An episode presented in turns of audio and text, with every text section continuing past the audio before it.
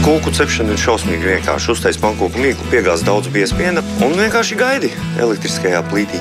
Viņš ar smaržu tevi pasaugs, naču esam gatavs. Mēs tiekamies ģimenes studijā.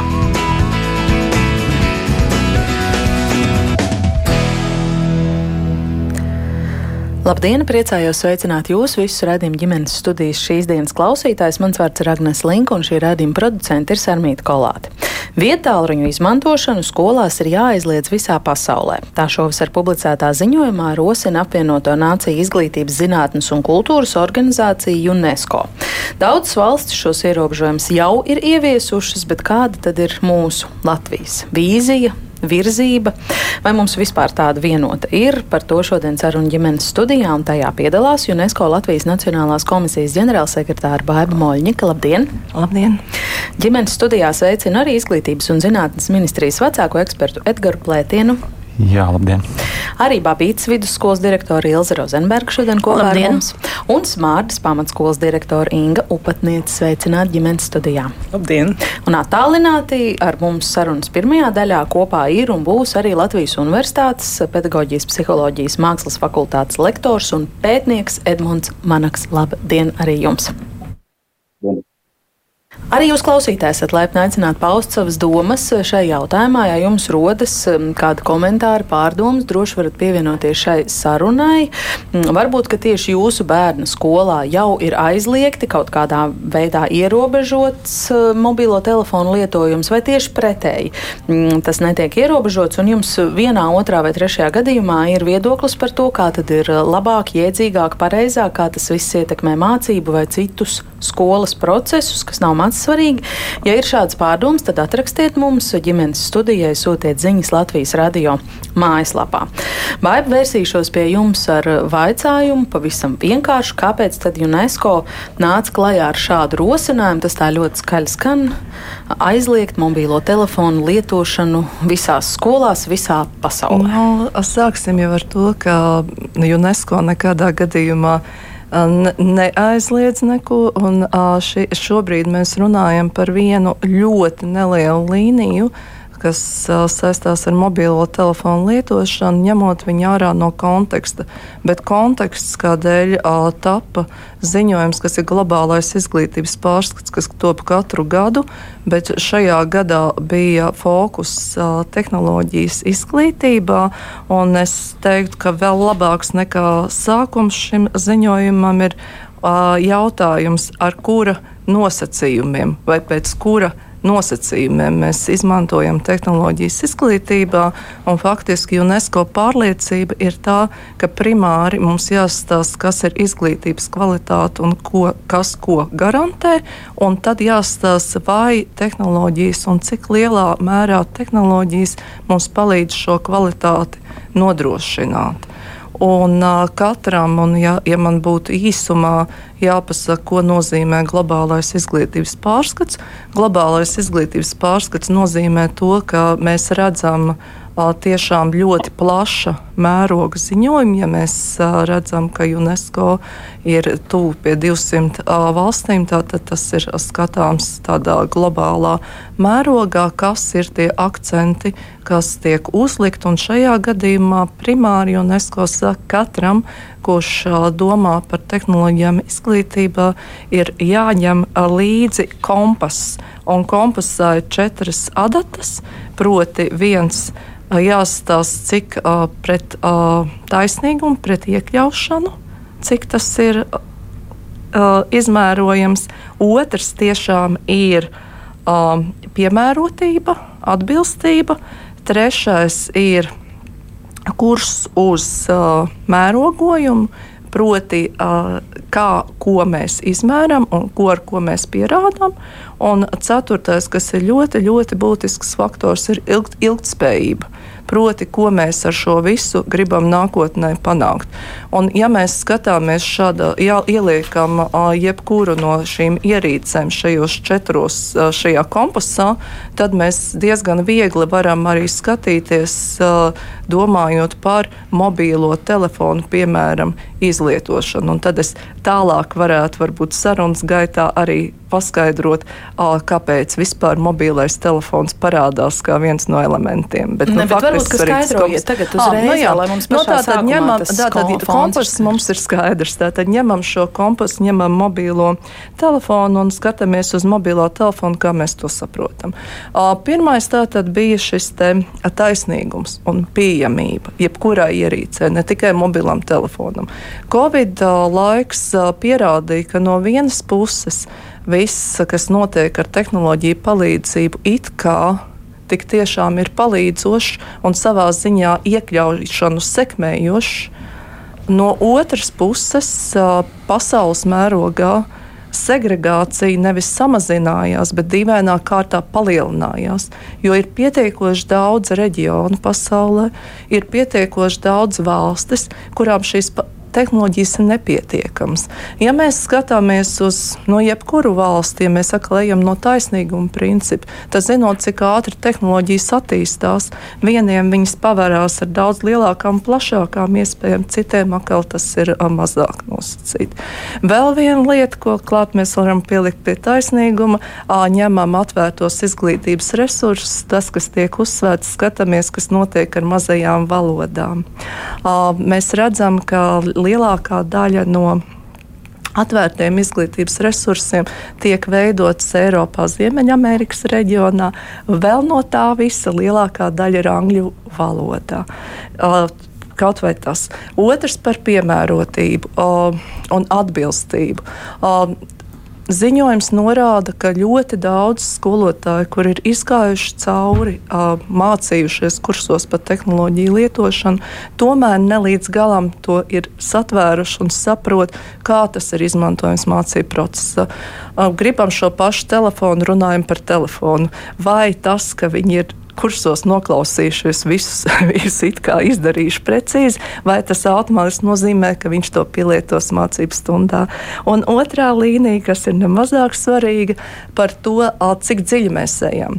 Jo pētījums pasaka, ka tiešām tādā primārā līmenī, pamatlīmenī skolēnu skolotāju zināšanas par tehnoloģijām ir labas. Bet ja mums jārunā mazliet dziļāk par satura radīšanu, par programmēšanu, par tādu veidu viedlietu lietošanu nu, tur nekas baigi labs neuzrādās. Mm. Nākamā lieta, protams, par mērogojumu un mērīšanu. Ļoti nopietni jāstāsta, kas ir pētījumi par tehnoloģijām un cik viņi, kas ir pasūtītājs pētījumiem. Ļoti bieži konstatēts tiek, ka pētījums pasūtīja piedošanu pašas tehnoloģiju kompānijas, lai varētu pierādīt to, kas viņiem jau šķiet axioma. Tas ir ļoti uzmanīgi un ar to ir jārēķinās. Un otrs piemērogojums, tāds, manuprāt, diezgan labs secinājums ir par to, ka tas, tās investīcijas tehnoloģijās, jo tehnoloģijas attīstās lielā ātrumā, apmēram pirmās investīcijas ir apmēram 25% no tā, ko tas beigās maksās. Restīvi, tu samaksājot par starta paku, finālā neaprēķini, ka tas tev beigās mm. izmaksās tā, daudzreiz mm -hmm. vairāk. Un, un beigu beigās par ilgspējību tur es pieminēšu tikai vienu lietu, un tā ir datu sensitivitāte un tas, kā mēs izmantojam tos datus no vienas puses tehnoloģijas iedod ārkārtīgi lielu pieejamību. Mēs ar lielu azartu metamies tajā iekšā. No otras otras puses doma par bērnu, skolēnu šajā gadījumā labbūtību, par viņu datu drošību, par to, kas ar to notiek. Nemaz nerunāsim par to, ko es jau vairāk kārt saku, cik, cik, cik, cik ātri kaut kādas lietas noveco un mēs viņus ar rāvienu aizstājam pret citām.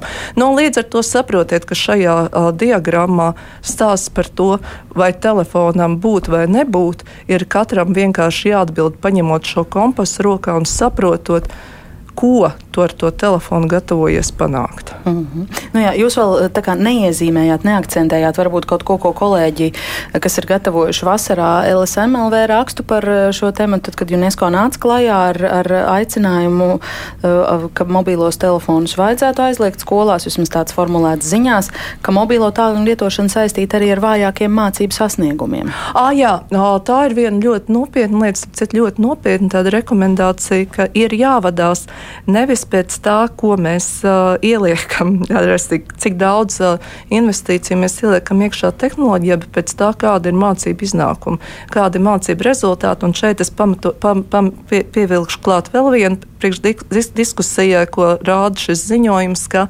rakstpratība un lasīt prasme abas divas lietas kaut kādā veidā iet uh, nesa, nesaslēdzās kopā mm. ar, ar šo te mobīlo telefonu lietošanu, tāpēc, ka pastīsimies, kā piemēram savstarpēji sazinās WhatsApp grupās jaunieši, redzēsim, ka viņi garumzīmes nelieto, vēl kaut ko nelieto, un ir ļoti grūti uh, no skolotājiem uh, šajā, te, šajā cīņā var gadīties, ka uh, ne viņi būs ieguvēji, ka var gadīties, ka šī lasīt prasme, uh, arī komunikācijas spējas viņas savā ziņā nu, hmm. zaudē. Jā.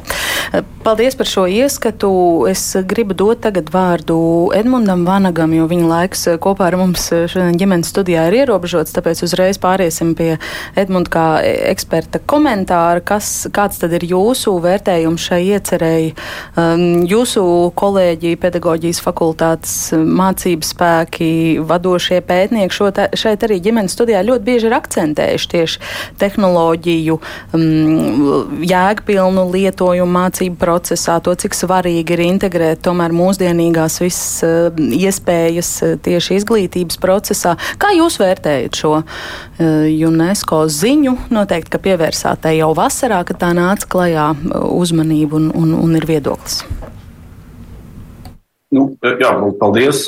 Mans viedoklis patiešām ir tikai ļoti šaurs un balstīts tādā pieredzē, ko, kas ir mana pētījums, pētījums, ko es esmu lasījis. Bet es domāju, ka jebkura veida tāda, tādas iniciatīvas, kas vēlas regulēt lietojumu viedierīcēm vai, vai citām ierīcēm izglītības jomā, ir ļoti apsveicams. Tas ir skaidrs, jā, tas būtu Līdzīgi kā mēs iedotu velosipēdus bērniem un teikt, nu, brauciet ārā uz lielajām šosejām, ne, neiemācot viņiem satiksmes noteikumus vai neparādot, kur drīkst braukt, kā var braukt, kāpēc ķiver jāliek. Tāpat ar viedierīcēm. Mums ir, mums ir, protams, pieaugušiem ir jābūt atbildīgiem par šo viedierīču gan tehnisku lietošanu, gan kontekstuālu lietošanu, gan arī saturam līdzi jāsaka, jā, jāraugās. Jā, mēs jau varam aiz, aizliegt ierīces kā tādas, bet vienlaikus aiz, aizliegsim arī sarunāties viņam savā starpā ar ierīču palīdzību.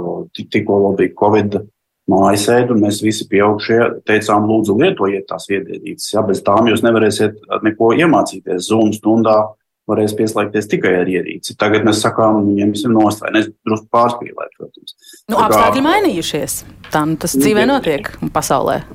Jā, bet tie ieradumi jau nemainās tik ātri. Mēs nevaram vienkārši pateikt, nē, ierīces ir ļoti sliktas. Tikko viņas bija labas, tagad viņas ir sliktas. Es domāju, vispār tāds vērtējums, slikts, labs vai tāds dihotons skatījums uz šīm lietām ne pie kā laba nenovedīs, bet es piekrītu, ka regulējums ir vajadzīgs un ir skaidri vajadzīgi kriteriji, pēc kādiem mēs to regulējumu veidojam.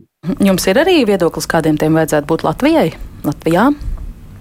Es domāju, ka patiešām mums būtu jābalstās uz tiem pētījumiem, kas mums ir pieejami, jāraugās, vai to viedierīču lietošana ir saprātīga un vai nes kādu efektu vai kādu labu pozitīvu iegūmu dod arī skolāniem. Un te patiešām pētījumi parāda ļoti neviendabīgu vainu.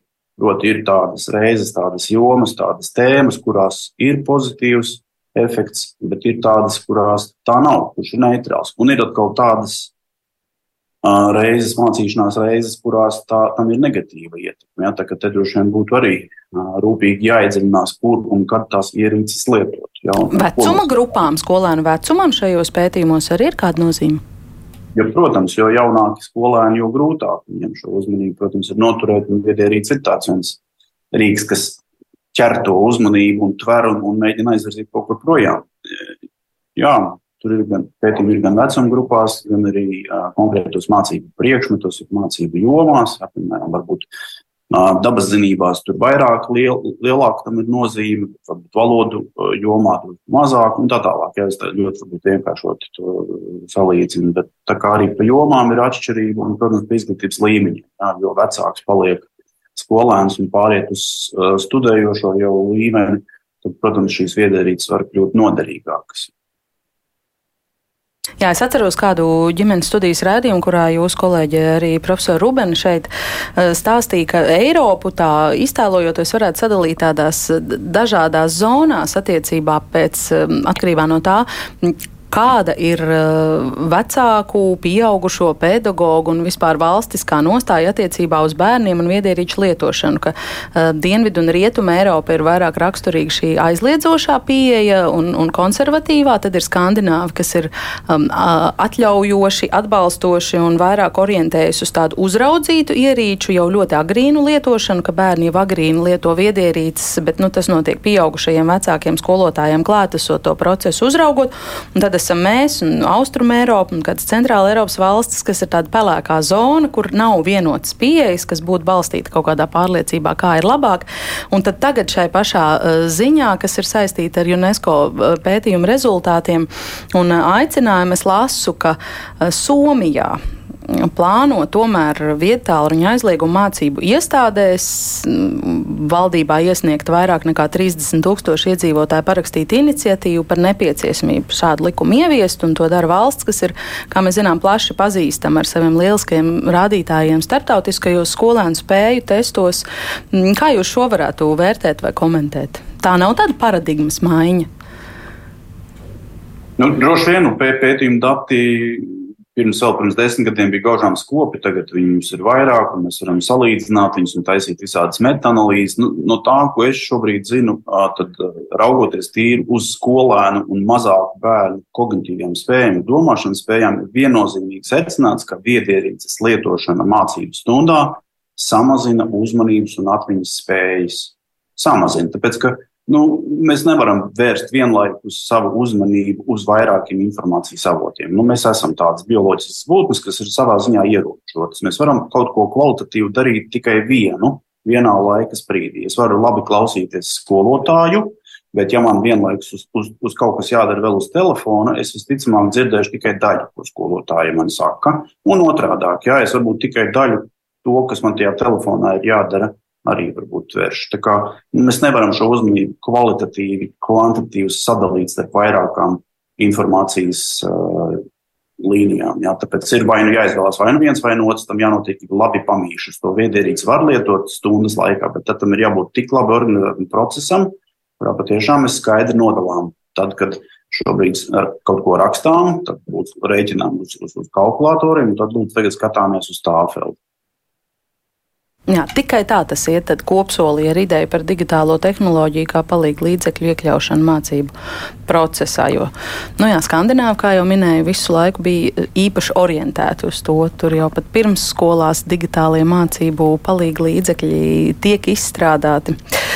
Gribu dot arī skolām vārdu. Jūs arī jau kādu laiku esat eh, klausījušās um, Babītas vidusskolas direktora Ilze Rozenberga, ar kādām mm, pārdomām vai kā jūs uzklausāt eh, šo ziņu, ka ir tāds aicinājums globāli izsvērt mobīlo telefonu aizliegumu skolās? Es pilnībā piekrītu. Vismaz stabili pirmā, sestā klase. Tas ir simtprocentīgi, jo uh, bērni ļoti daudz laika pavadīja mobilajos telefonos. Viņi nespēja pārslēgties no, šiem, nu, no tā laika, kamēr viņš sēdēja telefonā uz stundu. Tieši tāpat ir arī uh, šīs aplikācijas, kur viņi nemaz nezina, uh, kur viņi drīkst lietot, nedrīkst lietot. Uh, Ir gadījumi, kad vecāki uzdāvina uh, 1. septembrī dāvanu jaunu mobīlo telefonu. Jūs tieši saprotiet, kāda ir atdeve pirmajā mēnesī mācību procesam. Uh, Tanī pašā laikā man ir bijis skolotāji, kas savā klasē ar vecākiem ir runājuši un veidojuši pētījumu.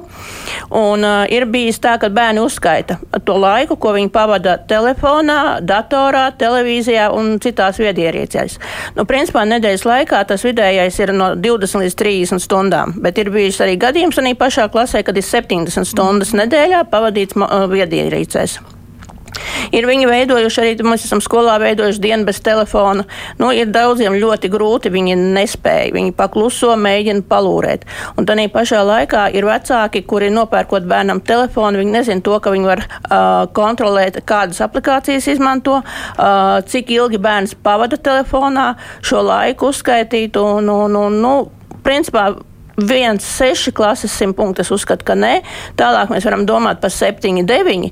Bet uh, ņemot vērā to, ka, teiksim, vismaz mūsu skola nodrošināta ar uh, planšetēm, ar datoriem, kad uh, nu, nevajag mācību procesu stundas laikā te, izmantot telefonu, jo mums ir iespēja izmantot citas viedierīces, kas ir atbilstoši saplānots mācību procesam.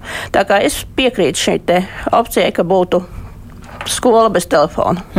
Šobrīd kādi ir tie noteikumi jūsu skolā attiecībā uz bērnu privātajiem mobilajiem tālruņiem? Uh, nu, mums ir izstrādāts skolas iekšējās kārtības noteikumi, ko mēs katru gadu aktualizējam. Uh, telefons ir jābūt izslēgts un ielikts somā nevienmēr tas strādā.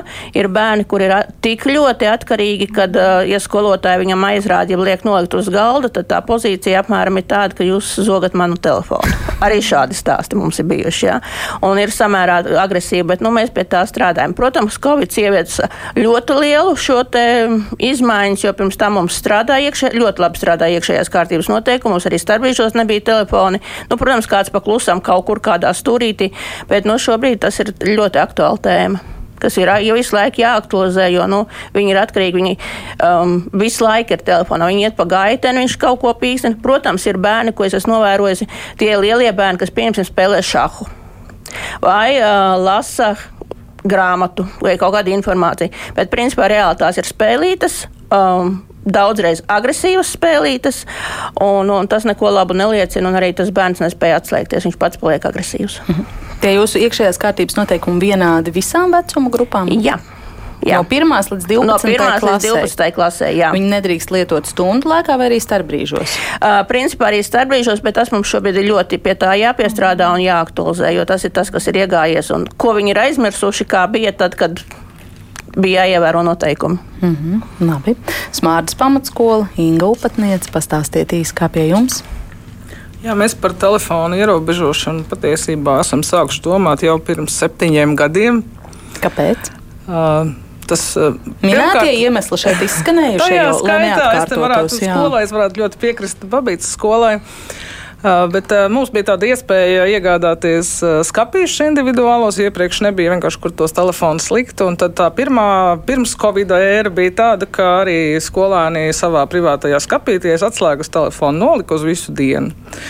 Pēc Covid realitāte bija tāda, ka nu, tas telefons ļoti pieaudzis pie rokas, un šobrīd mums ir jauni paņēmieni, un ir skolēni, kas mūsu skolu līdz ar to sauc par cietumu. jo mums, mums ir ar vecākiem tāda vienošanās, ka mēs no rīta, redz, mēs esam maza skola, mēs esam tikai deviņas klases, tad no rīta pirmās stundas laikā skolotājs telefonus savāc kastēs. Mēs pat arī, lai tā kā bija sūdzības par to, kā tie telefoni tiek bojāti, esam iegādājušies vēl porolona kastes, ja, lai tas tā nebūtu. Jo tā, protams, ir mana atbildība. Es atņemu ierīci, nu, kādu dabu atpakaļ. Ja. Un tad, attiecīgi, no rīta šīs, šie telefoni tiek salikti kastēs, un pēc stundu beigām saņem atpakaļ.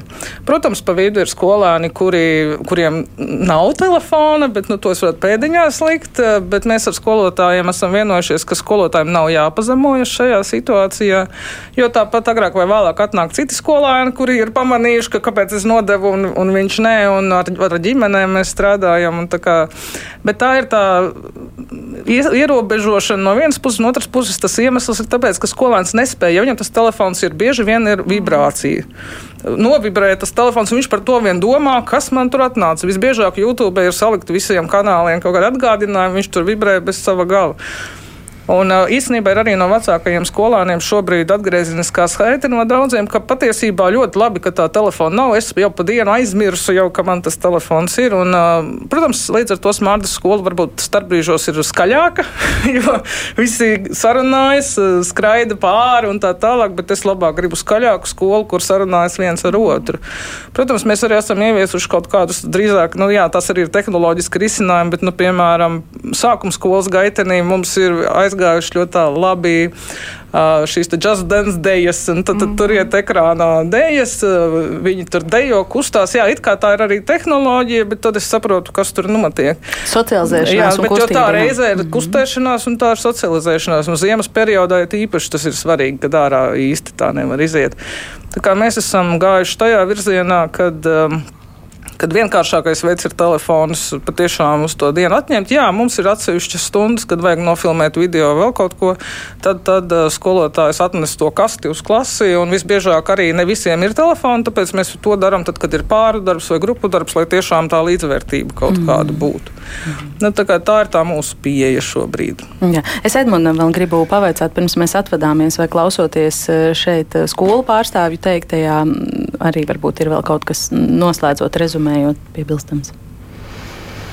Es domāju, ka mēs eh, ļoti labu darbu darām, vai ne mēs, bet jūs, kuri par šo vispār runā un, un mēģina to, to, to jomu sakārtot. Jo kad, ne, ja ne tagad, tagad ir pēdējais laiks, mēs visticamāk jau varam novērot tikai eh, sekas tam, ka kaut kas iepriekš nav bijis varbūt kārtīgi izdomāts līdz galam. Tāpēc arī rodas dažādi šie gan konflikti starp bērniem, gan konflikti starp skolotājiem un bērniem, un starp vecākiem un pieaugušiem. Jo piekritīsim, nu, galu galā mēs pieaugušie, vai mēs mājās sēžot vakarā uz dīvāna pie televizora, nu, nu, tā kā drusku negrēkojam, vai tiešām mēs tur lasām grāmatas un tamborējam zeķis. Man liekas, mums visiem rokā ir viedierīgs. Tā kā es nu, nu domāju, ka to, ar to ir jāsāk ar sevi jāsāk. Mums jārāda ļoti labs piemērs bērniem. Viņi neko citādāku nedarīs kā tikai to, ko mēs, un ja mēs paši neievērosim tos satiksmes noteikumus digitālajā pasaulē, tad es domāju, tas labi nebeigsies arī nākamajām paudzēm. Vienkārši tas turpināsies. Nu, bet tā pavisam īsti tad eh, šādas ierosmes un tāda virzība, tāda digitālo tehnoloģiju jēdzīgu, produktīvu izmantošanu izglītībā neapdraudēs? Domāju, ka nē. Es domāju, es domāju ka nē, ka tas, tas ir tikai, nu, bet arī nu, nu, nu jāmēra, jāpēta. Es domāju, mums ir jā, jābalstās datos. Jā, mēs nevaram tā tikai pateikt, uz, uz, uz, kā mums liekas. Mums ir jāmēra, mums ir nepieciešami dati. Un uz tiem balstoties, jā. mēs varētu labāk, gudrākus lēmumus. Paldies! Eh, atvadāmies no Latvijas Universitātes pedagoģijas, psiholoģijas, mākslas fakultātes pētnieka Edmunda Vanaga. Šobrīd raudzīšos uz eh, izglītības zinātnes ministrijas vecāko ekspertu Edgaru Plētienu. Šodien šādā amploā Edgars ir ģimenes eh, studijā. Jūs esat ilgāk laika pacietīgi klausījies kolēģu līdzbiedru šeit teiktajā. Kā ir, vai mums vispār ir izglītības ministrijai, kā piekritīgajai atbildīgajai ministrijai apkopot kādu informāciju vai kāds priekšstats vispār par to, to, cik, kur un kā skolās Latvijā ļauj, vai veicina, vai aizliedz, vai ierobežo lietot mobīlos telefonus. Vai mums šobrīd tāda status quo informācija ir skaidra? Mm -hmm. Jā, es laikam runāšu, kā es mēdzu teikt, no skolotāja kurpēm un ministrijas cepuri. Arī. Aha, labi. Es domāju, es nemācēšu precīzi atbildēt, vai šāds pētījums ir veikts vai apkopojums. Es pieņemu, ka nav no šādu datu, cik skolās kāda ir pieredze. Un tas ir viena lieta, par ko mēs pašlaik domājam, kā vairot dažādas pieredzes stāstus, jo Latvijā viņi ir. Mēs šobrīd dzirdējām divus pieredzes stāstus, kas ir labi stāsti bet tādi ir noteikti vairāk. Viena lieta, par ko nu, es klausoties kolēģos, man vairākas tādas pārdomas, par ko es domāju. Es parasti sev tajā brīdī, kad mēs mēģinām kaut ko ieviest, es sev uzdodu jautājumu, kāpēc mēs to darām. Tā ir pirmā lieta. Kāpēc mums tas ir vajadzīgs? Un, un tad, tad, ja mums ir skaidrs pamatojums, kāpēc tas ir vajadzīgs, tad skaidrs, kāpēc ir vajadzīgi ierobežojumi. Jā, kāpēc vajadzīgi ierobežojumi? Jā, tāpēc, ka jā. liela, liela vispasaules organizācija, līderis šajā jomā jā, bet, ir, ir analizējis, kā man te rakstīts, 200 mm. izglītības sistēmas. Jā, tas varētu būt viens, jā. nu, ka mēs paļaujamies pasaules pieredzi, bet otrs, es domāju, tāda ļoti stingra lokāla pieredze. Piemēram, tagad es runāšu no bijušās skolas vadītāja kurpēm vai no skolotāja kurpēm. Jā, es teiktu, mums pašiem skolā, lokālā organizācijā jāuzdod jautājums, vai mums šis traucē nu, jūs, mācīties. Ja mums šis traucē mācīties, tas nozīmē, ka mums ir uz to jārēģē. Jo Edmunda salīdzinājums ar riteni bija ļoti, ļoti labs. Un, un līdz, ar to, ja mums tas traucē, tad mums kopēji kā organizācijai jāsaprot, ko mēs ar to darām. Un šeit bija divu skolu pieredzes stāsts, kā viņi to ir uh, risinājuši. Pat Jūs varat pievienot arī savu trešo. Stāstu par, par Raunu, par Raunu to, to, to, to laiku, un pašlaik strādāju draudzīgā aizsardzības gimnāzijā. Jā. Um, tas, kā, kā, kā mums tas notika, mums bija saruna ar, ar skolotājiem, jo, jo skaidrs, pirmie signāli parādās no skolotājiem. Viņi saka, hei, kaut kas nu, nav kārtībā.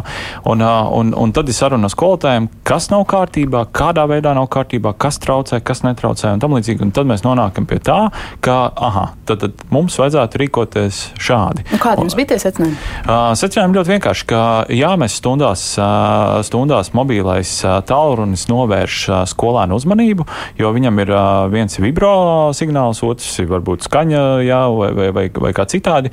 Tad, tad mums šis ir kaut kādā veidā uz šo jā, jārēģē. Un tas, tā mūsu reakcija bija visās klasēs ieviest telefonu kastītes, kurās telefoni tiek nolikt, nevis viņi tiek ielikt somās, bet, bet viņi tiek nolikt tur. Un, un, un, un, teiksim, ir dažā, dažādas pieejas.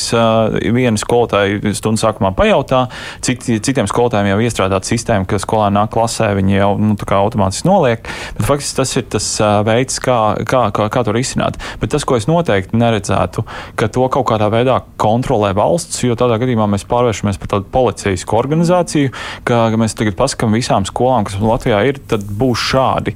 Bet tas, ko mēs neņemam vērā, nu, tajā brīdī, kad mēs kaut ko piemērojam tādā no valsts kontekstā, mums jāņem vērā, ka skolas ir ļoti dažādas, katrām ir savas vajadzības. Šeit arī bija divas skolas, un viņām bija atšķirīgi, teiksim, tie, uh, tu, tomēr atšķirīgi tie uh, nu, risinājumi kaut kādā ziņā. Un, ka, un katrā skolā viņi būs atšķirīgi, jo pamat, pamat stāsts, tie pamatprincipi būs tādi. Viens ir saruna vecākiem, skaidrošana, kāpēc mums tas vajadzīgs, otrs ir skolotāja konsekvence, ko mēs skolā redzējām kā būtisku elementu, ka, jo skolotāji konsekventāki, ja vienotāki šajās prasībās, jo viņas īstenībā ātrāk iedzīvojas.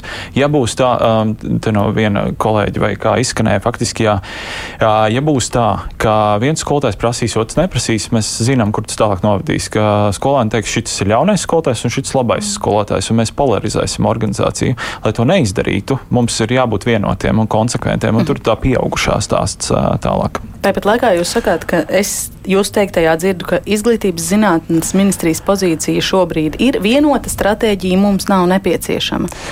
Es, es teiktu, ka mums būs, būs ļoti grūti nonākt pie vienotas stratēģijas, jo? Jo, jo, jo, jo katra organizācija ļoti dažāda ar kaut kādām dažādiem, dažādām pieredzēm iepriekš. Protams, mēs varam paust. Uh, redzējumu par to, ka jā, mēs aicinām, aicinām telefonu izmantošanu novēr, pārvērtēt vai kā citādi, bet lai nu, tagad ietu ārā ar, ar, tā, nu, teiksim, ar aicinājumu visai sabiedrībai, hei, mēs aizli, nu, mēs gribētu aizliegt telefonu lietošanu skolā, es, do, es domāju, ka tas mazliet policijiski, jā, mm. nu, ka, ka, ka, ka tam tā nevajadzētu būt. Bet es esmu redzējis tādu piemēru, tad pagājušo gadu bija Beļģijā, vienā skolā bija vienošanās starp skolu un vecāku vecākiem aizliegt telefonu lietošanu visā skolā. Tad tas nozīmē mācību stundās un arī ārpus mācību stundām. Bet tā bija skolas iekšējā vienošanās. Tā kā smārdē. Jā, tas, tas var būt šīs. Būs skolas, kuras teiks, nē, mums varbūt netraucē tas, nu, tā, starpbrīžos tas lietojums, bet mums ir fundamentāli svarīgi stundās. Līdz ar to šeit ir ļoti būtiski saglabāt to skolu autonomiju, ka pašas skolas pieņem, pieņem lēmumus. Un, un tur, tur ir man liekas, tas spēks arī. Mm -hmm. Es tikai atgādināšu, ka ģimenes studijā mēs šodien sarunājamies eh, par UNESCO rosinātu ideju, ka vajadzētu pārvērtēt, nu, piedodiet, preses relīzē un ziņās rakstīts aicināt, mm -hmm. aizliegt ierobežojumus uh, mobilo telefonu lietošanai visā pasaulē, visās uh, skolās. Sarunā piedalās no Babītas vidusskolas direktora Ilza Rozenberga, no Smārdas pamatskolas direktora Inga Upatniece, arī Izglītības zinātnes ministrijas vecākais eksperts Edgars Plētiens un UNESCO Latvijas Nacionālās komisijas ģenerālsekretāra Baiba Moļņika. Baiba, jūs arī tagad kādu brīdi esat klausījusies, smaidījusi arī mājas ar galvu, arī purnais galvu. Jā, nu, Jums jākomentē es, droši vien kaut kas sakrājies. Nu, tieši to pašu, ko es teicu sākumā man liekas, ka mēs pārlieku daudz fokusējamies šobrīd uz mobilo telefonu, aizmirstot, par ko gal galā ir ziņojums. Ziņojums ir par tehnoloģijām izglītībā, un tur gan es pilnīgi piekrītu. Edgaram, ka ir ārkārtīgi sākumā tik tiešām jāuzdod šis jautājums, kāpēc, nu, kāpēc vispār mēs tās tehnoloģijas, un vai tik tiešām mums tās tehnoloģijas iet korelē kopā ar izglītības kvalitāti, un cik lielā mērā tas, tas, tas notiek. Piekrītu arī, ka nu, policijas. Nu, Jo tiklīdz kā tu uzdod valstiski, ir jābūt struktūrām, kas pārbaudīs. Un visticamāk, ka tad tas viss sakal atgriezīsies atpakaļ pie skolotājiem, kuri būs tie, kuri, dabūs, kuri būs tie pārbaudāmie.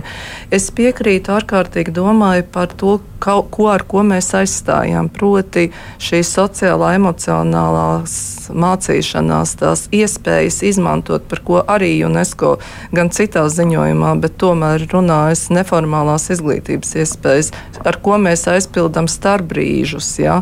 ar ko mēs viņus aizpildām. Proti, tajā brīdī, kad tam, kad tam skolēnam liksies tomēr interesantāk tas biedrs, kas viņam sēž, man šobrīd ir Edgars blakus, un man gribas ar Edgars parunāt, nevis ar, ar pieciem, kas man atrodas manā uzt, uzt, uzt, uztveres uh, zonā, telefonā.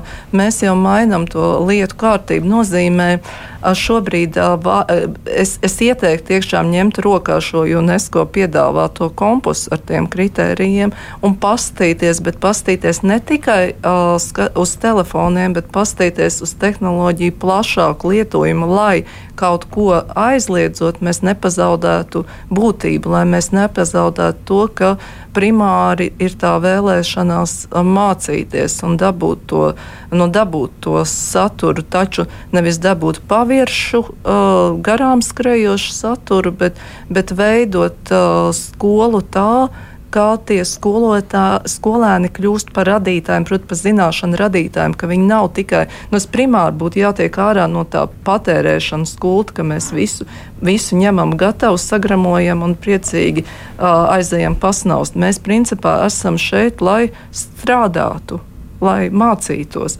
Nu, tas ir kaut kas tāds, ko, ko UNESCO un es vēlreiz atgādinu, ka šeit nes, ne, nav šim uh, ziņojumam uzrakstīts nē tehnoloģijām, bet ir uzrakstīts pārdomājam, kā vārdā mēs rīkojamies. Un aicinājums šeit ir, ka mēs rīkojamies tomēr izglītības kvalitātes un cilvēku vārdā. Mm. Un tas, ko UNESCO apgalvo gan ar trijām izsaukuma zīmēm, ka nekas šajā dzīvē neaizstās dzīvu skolotāju dzīvā auditorijā. To gan es teiktu, ka tas ir pasvītrots kā apgalvojums. Jā. Par to, protams, es domāju, ka mēs neviens eh, nešaubāmies, bet mēs tomēr uz to mobīlo telefonu lietošanu tieši skolas vidē, privāto mobīlo telefonu lietošanu šodien esam safokusējuši savu uzmanību. Klausoties mm, Edgara teiktajā, es eh, domāju un gribu vaicāt tagad arī skolu direktoriem mm, par, to, par tiem atšķirīgiem risinājumiem un autonomijas piedāvājumu, ka katra skola, nu, tā jau tas būtībā šobrīd arī ir, kā ieskata par labāku, tā arī lemj un tā arī mēģina rīkoties, vai nav tā, ka jo lielāka skola. Un jo lielāks ir tas vecāko skolēnu īpatsvars šajā skolā, jo grūtāk ir kaut ko reglamentēt un skolai pašai tā iekšēji ieviest. Jūs arī teicāt, noteikumus esat izstrādājuši Babītas vidusskolā, bet pie to izpildes nu, tur vēl ir jāpiestrādā, tas ir jāpilnveido. Jo jums ir it kā aizliegta skolas eh, mācību stundu laikā, ja starpbrīžos tāpat es saprotu, ka bērni telefonus lieto, ir ja īpaši lielie bērni un arī stundās kādu pamanās. Tā kā tie noteikumi nav tik strikti, kā jums gribētos, bet to nav tik vienkārši ieviest. Mm, to nav vienkārši ieviest. Principā reāli tā ir saruna bērniem. Um, šobrīd vēl labāk strādā tieši vidusskola, kur mēs varam vienoties, kur tevi uzklausa, un mēs varam vienoties kopējā sarakstā. Grūtāk iet ar mazajiem. Tas ir tik tiešām, jo nu, viņam tas telefons ir trīcošām rokām dabūjis, un, un, un viņam tā spēlīte, un, un, un, un, un, un ir arī tas, ko mēs runājam, jābūt kritiskai domāšanai. Ir jāmācība, jāmācās mēdī prātība, lai to, ko viņi tur sastrādā, viņi zina, uh, arī atbildība viņiem par to ir, ja? un, un, un to, ko tu palaidi internetā, tas jau nekur nepazudīs, tas kādā brīdī var tev atgriezties atpakaļ, ja?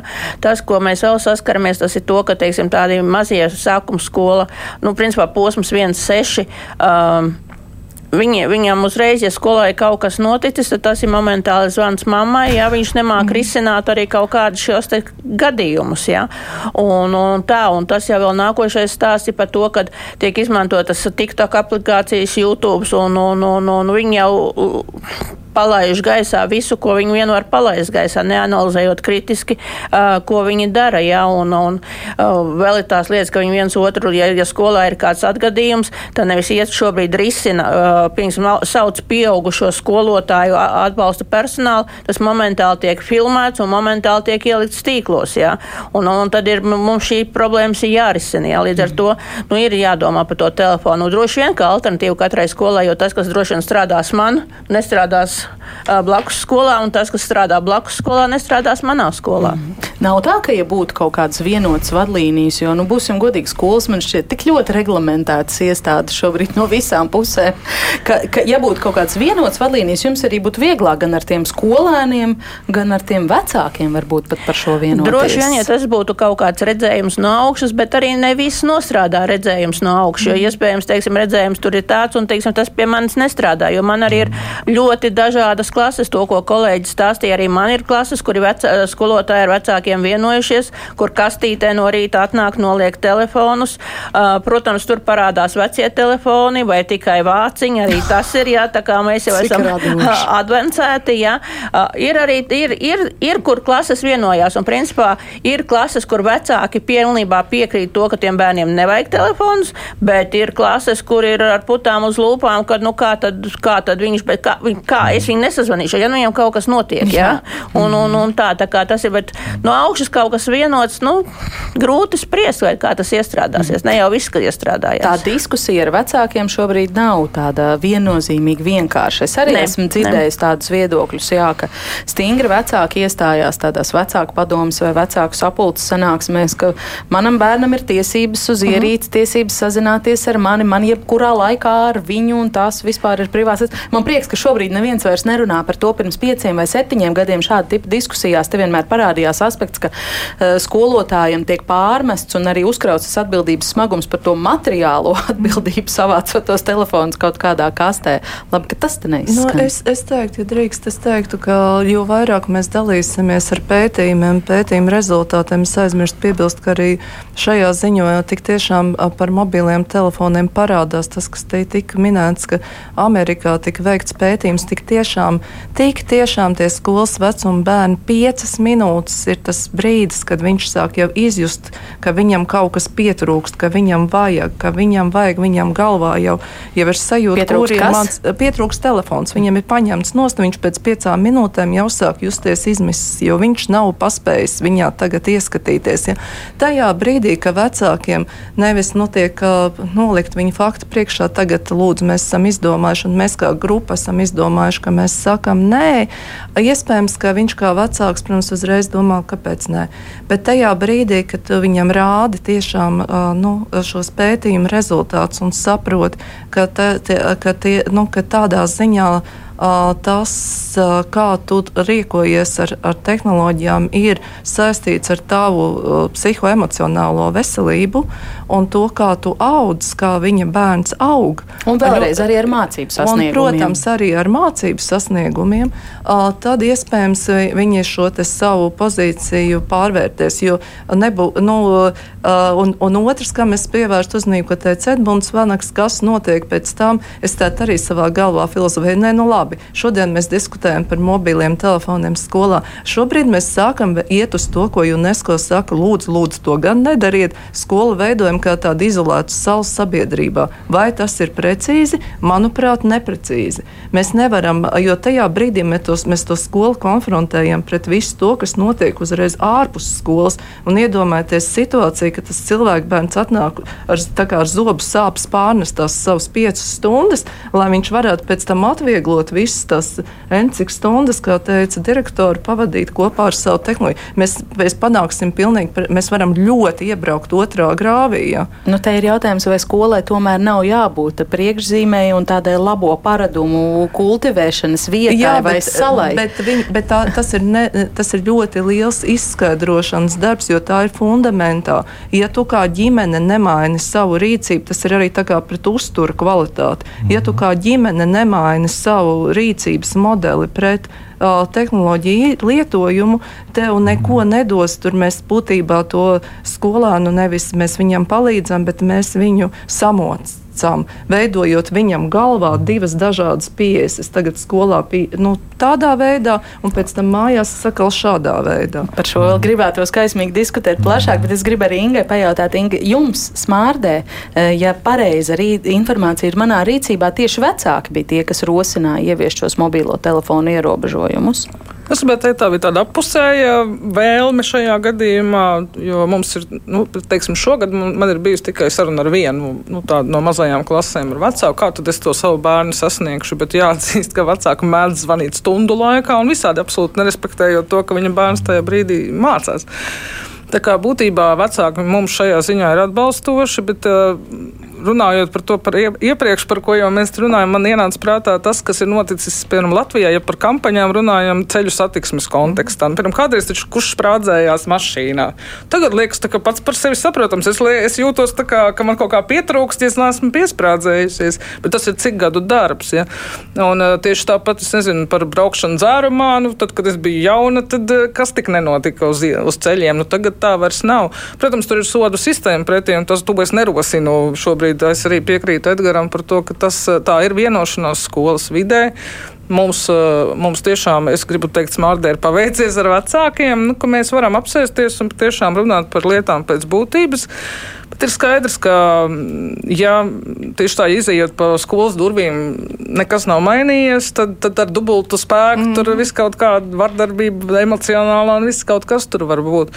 Bet man, mani novērojumi tomēr liecina, ka Mums nav, šobrīd man nav datu, vismaz pie manis nonākuši, ka būtu būtiski nu, palielinājies tas, eh, nu, cik pēc stundām, nu, teiksim, cik, cik tiek lietots kaut kādā piemēram, negatīvā kontekstā tehnoloģijas. Un, jebkurā gadījumā, manuprāt, ja mēs skatāmies nu, diennakts stundu laikā, ja arī šīs stundas, kamēr viņš ir skolā, telefons netiek lietots, tad jebkurā gadījumā mēs samazinām to stundu skaitu dienā, cik tas stimuls ir. Bet, man liekas, vēl viena būtiska lieta, par ko ir jādomā, ir par to smadzeņu atpūšanos. Mm. Jo es, piemēram, adu Nu, tāpēc, ka tas ir vienīgais veids, kas skaitu 1, 2, 3, 4, un es varu nedomāt. Un būtībā jau visas 40 minūtes eh, skolēns ļoti intensīvi domā, un ja viņš sarbrīdī vēl 10 minūtes visu laiku iegūst jaunu informāciju telefonā, tad skaidrs, ka pusdienlaika resursi ir beigušies. Vai arī saspringti rīkojās eh, mobilā telefona spēlītē, un pēc tam saka, ak, Dievs, bet tā mācības stunda ar arī to skolotāju ir tik garlaicīga. Tā kā, tās tam. ir tādas lietas, par ko mēs domājam, un tiešām, ja es runāju par vecākiem, tad paldies maniem vecākiem, jo mums ir izdevies tā, ka arī bija vecāku kopsapulce, un es saku, nu jā, no šī gada mēs pavisam tā strikti tam piesim, un visi māja ir galva. Tiešām, nu tā kā, nu, jo tā ir tāda saruna gan ar skolas padomu iepriekš, gan ar vecākiem klašu sapulcēs un tā tālāk. Jā, es, es šeit varu tikai pieminēt, es arī man kā skolotāja, arī skolas vadītāja pieredze liecina par to, ka uh, faktiski saruna ar skolas padomu un tajā skaitā arī ar skolotāju komandu vai pedagoģisko padomu, kā mēs to saucam, ir tās sarunas, kur mēs nonākam pie, pie risinājumiem. Un, un tad, ja mums ir organizācijā daži cilvēki, kur uzskata, ka to nevajag, nu, tad nu, demokrātija tomēr mēs zinām, ka strādā nu, vairākuma viedoklis. Un tad, ja, ja lielākā daļa redz, ka tā ir absolūti nepieciešamība, tad mēs attiecīgi ņemam talkā vai nu pētījumus, vai nu konkrēti šo, šos gadījumus vai gadījumu izpētes. Mēs sakam, lūk, redziet, ja skol, skolēns 40 minūtes intensīvi domā, un pēc tam 10 minūtes vēl intensīvi tehnoloģijās pavada, un tad atkal 40 minūtes. Tad iedomāsimies nu, sevi kā pieaugušos, vai mēs to spētu, un tad tas iedod cilvēkiem citu redzējumu. Jo, jo skaidrs, ka tie cilvēki, kur, kur redz, nu, kāpēc tur jāizliedz vai vēl kaut kā, viņi skata to caur kaut kādu ļoti nu, vienu savu prizmu. Bet jo vairāk mēs cenšamies to paplašināt, jo tas ir labāk. Nu, piemēram, viens veids, kā vēl var paplašināt, var piedāvāt vecākiem sarunas ar speciālistiem. Piemēram, pie mums skolā arī viesojas Edmunds Vanaks, attālināti pieslēdzas vecāku. Mēs sarunājamies par ļoti konkrētiem tematiem, kas skar šos būtiskos jautājumus, kas paplašina to vecāku redzesloku. Jo nav jau tiesa, ka vecākiem ikdienā ir iespēja daudz mācīties eh, par eh, nu, teiksim, pusauģu attīstību vai vēl kaut kā. Un tad faktiski tas ir viens veids, kā to var eh, mēģināt ienest iekšā. Viens no daudziem droši vien. Man vienmēr prieks par šiem labajiem piemēriem, bet es esmu šeit stāvot tomēr spiest domāt par to kritisko masu un atkal jautājums par tām lielajām skolām, kur varbūt skolas vadītājiem nu, vienkārši nepietiek resursa vēl aizdomāties par to, kā tagad organizēt šo ierobežošanas procesu savā skolā, jo viņam bērniem varbūt jau ir gūzma problēma. Nu, piekritīsiet, varbūt mm. mazu pamatskolu ir vienkāršāk vadīt mm. no menedžmenta viedokļa nekā liela, mm. varbūt vidusskolu, kur ir ļoti dažādu uh, sociālo grupu arī bērni. Un, Un, tāpēc... un, ja nebūs valstī šīs vienotās stratēģijas, tad nu, man paveiksies, ja es savu bērnu dabūšu mm -hmm. smārdas pamatskolā, ka viņš būs tādā labā vidē, bet varbūt nu, kaut kur citur citiem tā nepaveiksies. Un atkal nav tās vienlīdzības. Es, un, un es teiktu, ka mēs ejam tomēr no otra gala, ka šāda raidījuma un iespējams arī struktūrēta dalīšanās pieredzē labāka nekā, nekā vispārēji norādījumi, kuri vienam, kā kolēģi minēja, derēs un vienam nederēs. Tajā brīdī, kad mēs dzirdam sešus, septiņus, 7, 8, 9 pieredzes stāstus, tad mēs paši savā galvā izvēlamies, ah, nu šī vispār laba doma, šī to varētu pamēģināt. Ja man Lai, ir entuziasms kā skolas protams, vadītājiem. un te jau, te jau un faktiski mēs aizējām citā laukā, mēs aizējām cilvēku resursu un vadības laukā, ja vadība ir proaktīva, un šeit mēs redzam divus kolēģus, kuri ir proaktīvi, viņi to risina. Nu, mēs vienmēr attapsimies mm -hmm. pret organizācijām, kur, kur nebūs tā proaktivitāte. Nu, tad, un tad viņus nevajag mudināt no augstajiem plauktiem. Es domāju, mudināšana vai no lejas vai no augšas, tur diez vai vairs kaut ko dos. Nu. Jā, vai, nav, nu, es, es vēl iemetīšu vēl vienu tādu ma, nu, magnētiņu vai tādu akmentiņu, domājot par 21. gadsimta prasmēm, protams. Un es teiktu, ka vērts ir, vērts ir pasmadzeņot, jo es ļoti daudz esmu dzirdējis no skolu vadībām tekstu, ka mēs gribam runāt vienā valodā ar jauniešiem un skolēniem. Un tā aizraušanās ar tehnoloģijām ļoti bieži sakņojas tajā, ka skolas saprot tā tā, mēs tagad gribam būt pārmaiņu skola, kā mēs kļūsim par pārmaiņu skolu. Pēc pārmaiņu skolu mēs kļūstam, ja mēs ieviešam pēc iespējas daudz tehnoloģiskos risinājumus. Un, un azrējoties ar šo, it kā tie mobīlie telefoni iekrīt tieši tajā pašā gultnē. Mēs, mēs saprotam, ka tādā veidā mēs pietuvojamies saviem skolēniem. Nu, mēs kā esam ar viņiem vienā WhatsApp grupā, mēs, mēs tuvinām. Un tur nav arī tādas ikdienas kā milzīgs pretruns pirmajā brīdī, bet nākamajā brīdī jāsāk, tā, jāsāk veikt tā analīze, kas ir kas un kāpēc. Jā, un es ārkārtīgi piekrītu Edgaram, ka tā ir tiešām skolas vadības kopīga nostāja, ko mēs ar to darām. Tas ir neatkarīgi no tā, vai tā skola ir liela vai tā skola ir maza. Ja tas ir direktors, un es, man ir diezgan labi pazīstama liela skolu direktora, ja tas ir direktors, kurš pārzina savu skolu un kuram ir laba komanda, viņš var šo stāstu veidot. Taču neaizmirstam tik tiešām, kā mēs šeit nerunājam par skolas veidošanu, par policijas iecekšanu, bet drīzāk skolas uh, veidošanu pēc iespējas plašāku un interesantāku vidi. Un es atkal pieminēšu stāstu par projektiem, par aizraušanos. Tajā brīdī, kad, tam, kad veidot arī rādi jaunieši, un tur tik tiešām mēdījiem paldies, ka mēs aizvien vairāk dalāmies ar produktiem, ko ir radījuši jaunieši. Tajā brīdī, kad viņš ir riktīgi aizrāvies ar kaut ko, ko viņš rāda, ko viņš kopā, kopdarbā ar citiem veido, viņš patiešām arī aizmirst. Un tad nāk klāt tas, ka mēs, ja tu pasaki ar to, ka es tevi ierobežoju, no savā ziņā ierobežoju, atkal tos līdzībās tas satiksmi, kopīgā plūsma, restīvi rezultāts būs daudz labāks, ja mēs ievērojam noteikumus. Mēs arī esam uz ceļa. Jā, mums gandrīz jābeidz. Es tikai vēl nolasīšu dažus klausītāju komentārus. Kā par brīnumu to nav daudz, nav ļoti, ļoti kaismīgi viedokļi šajā jautājumā. Pagaidām vēl mūsu auditorijai kāds raksta, ka tā ir ļoti laba ideja uz stundu laiku aizliegt mobīlos telefonus arī starpbrīžos, ja tikai nesāktu bļaut par cilvēku tiesībām. To jau mēs it kā Šeit atrisinājām, ka tāda diskusija nenotiek. Jā. Um, Gunits saka, ka labs piemērs ir smārdas pamatskolā tieši tas, ka bērniem ir nodrošināts aktivitātes starp brīžu laikā, ir arī galda spēles, līdz ar to nav vēlams uzreiz skriet pie telefona, bet Linda tā skeptiski saka, izslēdziet elektrību, atklāsiet, ka bērniem galvās ir toričēlī tukšums. Tam mēs droši vien nepiekritīsim, vai ne? Lai noslēgtu pozitīvas notis. Nē, Edgars. Eh, kā skolotāja pieredze rāda, ka nav, nav, nav, nav, nav tik traki. Tieši tad arī viss interesantākais. Paldies par sarunu ģimenes studijā. Es šodien saku UNESCO Latvijas Nacionālās komisijas ģenerālsekretārai Baibai Moļņikai, arī izglītības ministriju šeit pārstāvošajam vecākajam ekspertam Edgaram Plētienam, Babītas vidusskolas direktorai Ilzē Rozenbergai un Mārdas pamatskolas direktorai Ingai Upatniecei. Šodien raidījumu veidojas Armīta Kolāta, mans vārds ir Agnese Linka, bet rīt šajā laikā ģimenes studija dosies ciemos pie dzēnieces Ērikas Bērziņas. Ērika gan sarunā arī akcentē, ka viņa ir arī trīs bērnu māma un šī loma viņai tikpat svarīga, jo tā ikdienai dod papildus prieku, un arī viņas dzējoļu krājumi ir tapuši iedvesmojoties tieši no ģimenes ikdienas. Un rudens Ērika ir notikumiem bagāts, jo tikko svinīgi atvērta jaunākā dzējoļu grāmata Ardievas bohēmai, tāpat viņa norganizējas kārtējo nu jau 20. ceļojumu ar dzējniekiem, kas ir dzējas dienu neatņemama sastāvdaļa. Tātad tas ģimenes studijā. Rīt paldies, ka klausījāties. Šodien tiekamies arī mūsu podkāstu epizodēs un mobilajā lietotnē. Normāla ģimene. Mēs esam normāla ģimene. Jā. Viņi ir kopā, šķīrušies. Viņi ir divi vai trīs, un viņiem visiem ir bērni. Es domāju, ka mēs labas mammītes esam. Klausies vaļsirdīgas un privātas sarunas pāri virtuvēs. Podkāstā Normāla ģimene. Latvijas radio lietotnē, LSMLV un visās podkāstu platformās.